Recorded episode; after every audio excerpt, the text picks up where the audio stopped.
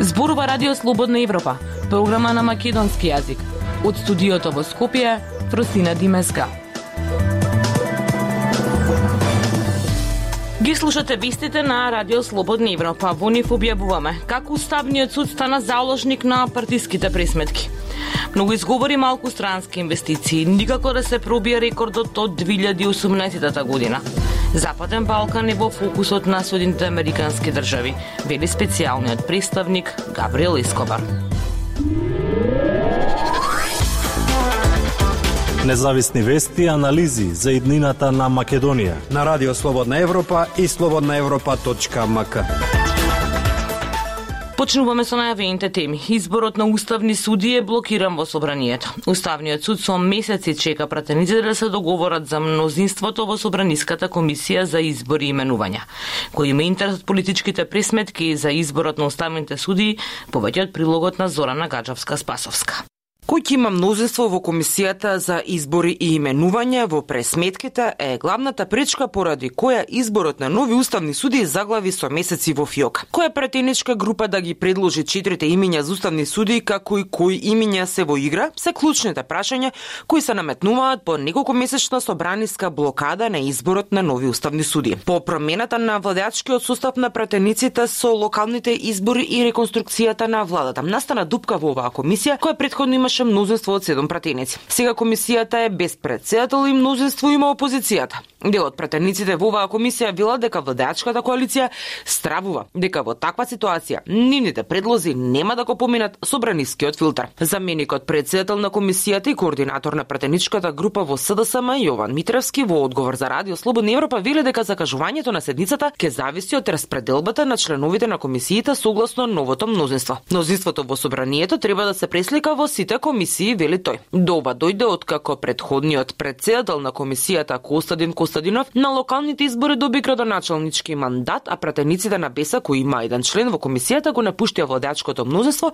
и преминаа во опозиција. Членот во комисијата од Беса Фадил Зендели вели дека проблемот не е во неговото однесување во собранието, ниту пак во тоа што сега мнозество во комисијата има опозицијата, затоа што и предходно во оваа и други комисии мнозество имало опозиција. Е па тоа е суштината на ова што мнозинството бара. Значи да има контрола во оваа комисија за да може да протурка кандидат депутати кои би се допадале нејзе. Председателот на собранието Талат Джафери пак смета дека не може со сила да ги натера претениците да изберат нови уставни суди. Зендели пак се сомнева дека проблемот може би е во несогласувањето меѓу владините коалиционери за прашањето кои имиња треба да се најдат на списокот за уставни суди. Од собранието до објавувањето на овој прилог не одговорија на нашите прашања. Кои и колку Истакнати правници испратиле писмо за интерес да бидат членови на Уставниот суд. Пратеникот од ВМРО ДПМН Антонио Милошовски веле дека власта не споделува со нив информации ниту пак дебатира за можните кандидати. Па тоа што сме го слушнале на ниво на половични информации се имињата на одреден адвокат од Битола Васко Талевски, кој што бил исто така и председател на правната комисија на СДСМ во Битола, одредена господја која што е актуелен судија, Антуанета Димовска и досегашниот и се уште актуелен генерален секретар на Собранието Цветанка Иванова како предлог на СДСМ, но за ова немаме писмени потврди за тоа што комисијата не ги споделува информациите со членовите од опозицијата. Митровски од СДСМ не открива кои имиња се предложени за уставни суди. Право на предлагање кандидати за уставни суди има членовите на комисијата на самата седница.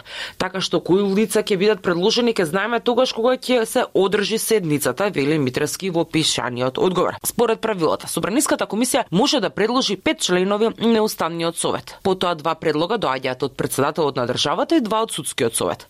За еден од предлозите од комисијата на пленарна седница ќе треба да се гласа според бандетеровиот принцип. Председателот на Уставниот суд го избира судот од редовите на судиите со време на три години без право на повторен избор. Слободна Европа. Следете на на Facebook, Twitter и YouTube. Влезот во НАТО ни ги даде очекуваните резултати во привлекувањето странски инвестиции. Македонските власти имаат многу изговори зошто земјава заостанува во однос на повеќето држави во регионот. Според поратоците на Светска банка, Србија е најдобра од Западен Балкан, а не е членка на НАТО. Прилог на Пелагија Стојанчова. Податоците на Народна банка за директни инвестиции во земјава од 2003 наваму покажува дека рекордот бил во 2018 кога имало 614 милиони евра странски инвестиции. Втора најдобра година е 2007 со 505 милиони евра. По рекордот во 2018 има драстично намалување, иако очекувањата на властите беа дека со влегувањето во НАТО состојбите ќе се променат. Во периодот јануари-септември минатата година вкупните директни инвестиции во земја земјава изнесуваат 285 милиони евра, главно како резултат на реинвестирана добивка. Влегувањето во Алијансата се поклопи со почетокот на пандемијата со COVID-19, па во 2020 имало само 201 милион евра странски инвестиции, но корона кризата, на пример, не ги поколеба инвеститорите да вложуваат во соседна Србија, а Црнагора дури успеала да ги зголеми странските инвестиции во пандемијата. Директорот на технолошко-индустриските развојни зони Јован Деспотовски во неделното интервју на Радио Слободна Европа вели дека земјава го фаќа чекорот со остатокот од регионот, особено со нашиот северен сосед Србија. Во изминатиот период има повеќе фактори, да кажеме, зашто Северна Македонија заостанувала, да кажеме, зад Србија имаше доста отворени политички прашања во периодот, да кажеме, до 2017 година. Членството во НАТО и фактички верификацијата на политичката стабилност на државата придонесе да веќе во изминативе после пандемијата година дена, имаме значително зголемување на интересот од инвеститори, особено инвеститори со, со повисока додадена вредност и квалитет вели Деспотовски. Но според податоците на Светска банка, Србија стои далеко најдобро од земјите од Западен Балкан, а не е членка на НАТО. Србија е речиси четири пати поголема од земјава по број на жители, а според податоците на Светска банка во 2019-та имала 8 пати повеќе странски инвестиции од земјава. Следна по привлекување инвестиции Албанија, која е членка на НАТО и има 2,8 милиони жители, а во посочената година има двојно повеќе инвестиции од земјава. Која е три пати помала од Македонија, има само малку помалку странски инвестиции од земјава. Полошо стојат Босна и Херцеговина и Косово. Економскиот аналитичар Арбер Халили, кој беше и директор на технолошко-индустриската развојна зона во Тетово, вели дека сите власти во изминатата деценија ја промовирале земјата кај инвеститорите, нудејќи ефтина работна сила Тоа е, мислам дека е главниот показател, но не единствениот поради кој ја, ја губиме веќе битката со привлекување на странски инвестиции. Втора, а може би и поважна е недостигот на политичката стабилност.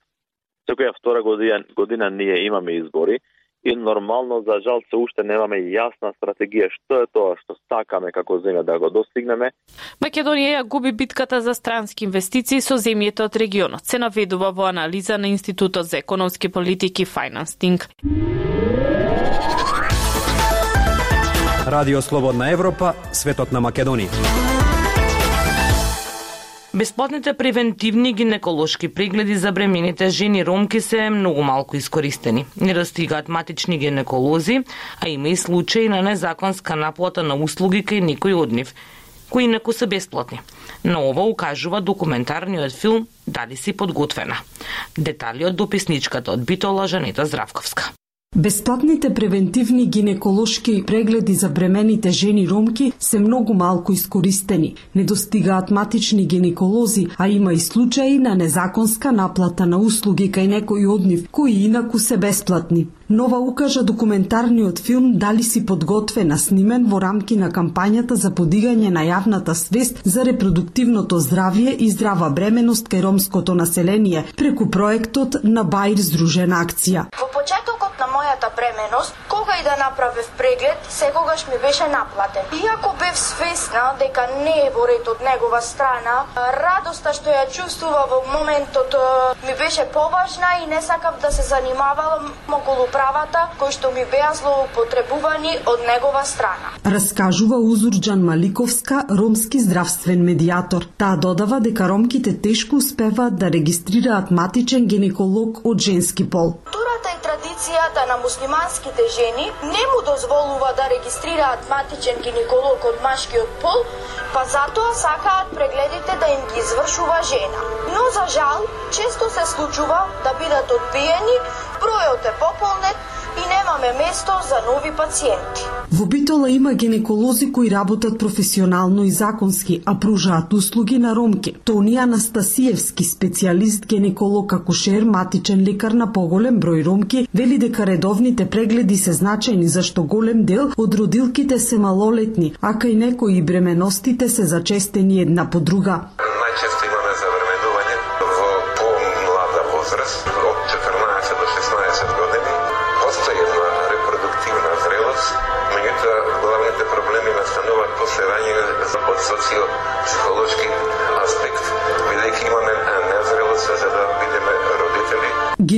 Гинекологот и акушер Емилија Јашовик Сивеска. Укажува дека Една жена која е за прв пат бремена треба да има околу 10, а секоја повеќе родка да има околу 7 контроли кај незиниот гинеколог. Анкетата Грижа за здравието на ромите, направена во рамки на проектот, покажува дека во Битола дури 32% од жените ромки воопшто не посетуваат гинеколог. 77,8% не вршат преглед на градите. 71,4% не знаат за мамографија. Во однос на гинеколошките прегледи кај ромското население има многу предрасуди, посебно кога во прашање се невини девојчиња. Филмот Дали си подготвена зборува за многу работи поврзани со здравието на ромките кои досега биле премолчувани.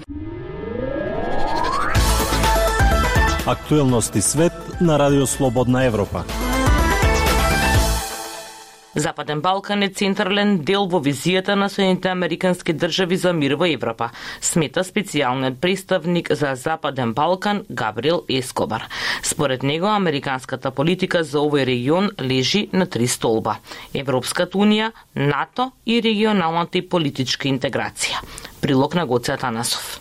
Американскиот специјален представник за Западен Балкан Габриел Ескобар, сведочејки во подкомитетот за европска и регионална безбедносна соработка на Комитетот за надворешни односи на Американскиот Сенат, изјави дека Сеофат на Европа и Европа на мирот остануваат од витален интерес на Соединетите држави, а Западен Балкан е централен во оваа визија. Соединетите држави продолжуваат да ги продлабочуваат врските со регионот, изјави тој, повторувајќи дека Соединетите држави ја поддржуваат иницијативата Отворен Балкан. Ние веруваме дека Отворен Балкан и Зелената агенда се необходни за европската интеграција. Ги повекуваме да се борат против корупцијата и да ги прошират можностите за интеграција. Ова ќе го спречи одливот на мозоци, рече Ескобар. Според него, американската политика на Западен Балкан лежи на три столба. Европската Унија и НАТО и регионална и политичка интеграција. Сметаме дека овие земји треба да бидат членки на Европската Унија. Тие се историски, културно и се повеќе економски дел од Европа. Ние веруваме дека тие треба да бидат членки. Секоја земја што се приклучи на Европската Унија е подемократска, попросперитетна и постабилна. Затоа го подржуваме Отворен Балкан, рече Ескобар наведувајќи дека Соединетите држави нема да наметнуваат решенија, но дека сакаат да помогнат, тој посочи дека Вашингтон е особено загрижен поради зголеменото кинеско влијание во Западен Балкан. Запрашен какво ќе биде влијанието врз Западен Балкан доколку Русија ја нападне Украина, Ескоба рече дека некои од земјите се ранливи на злонамерното влијание на Русија. Нашата надеж е дека можеме да обезбедиме овие земји да останат стабилни и заштитени од какво било руско влијание, за да го користат Западен Балкан како одвраќање на евроатланската заедница за Русија и Украина, рече Ескобар, додавајќи дека три држави од Западен Балкан се сојузници на НАТО. Не само што учествуваат во дискусијата на НАТО за ова, туку придонесуваат и за нашите напори, рече специјалниот представник за Западен Балкан. Во врска со ситуацијата во Босна и Херцеговина, Ескобар изјави дека Соединетите држави ќе ги употребат сите достапни инструменти против оние кои ги држат како заложници граѓаните на Босна и Херцеговина за нивна собствена корист. Тоа беше се во оваа емисија на Радио Слободна Европа. Од студиото во Скопје со вас беа Дејан Валовски и Фростина Димеска. До слушање.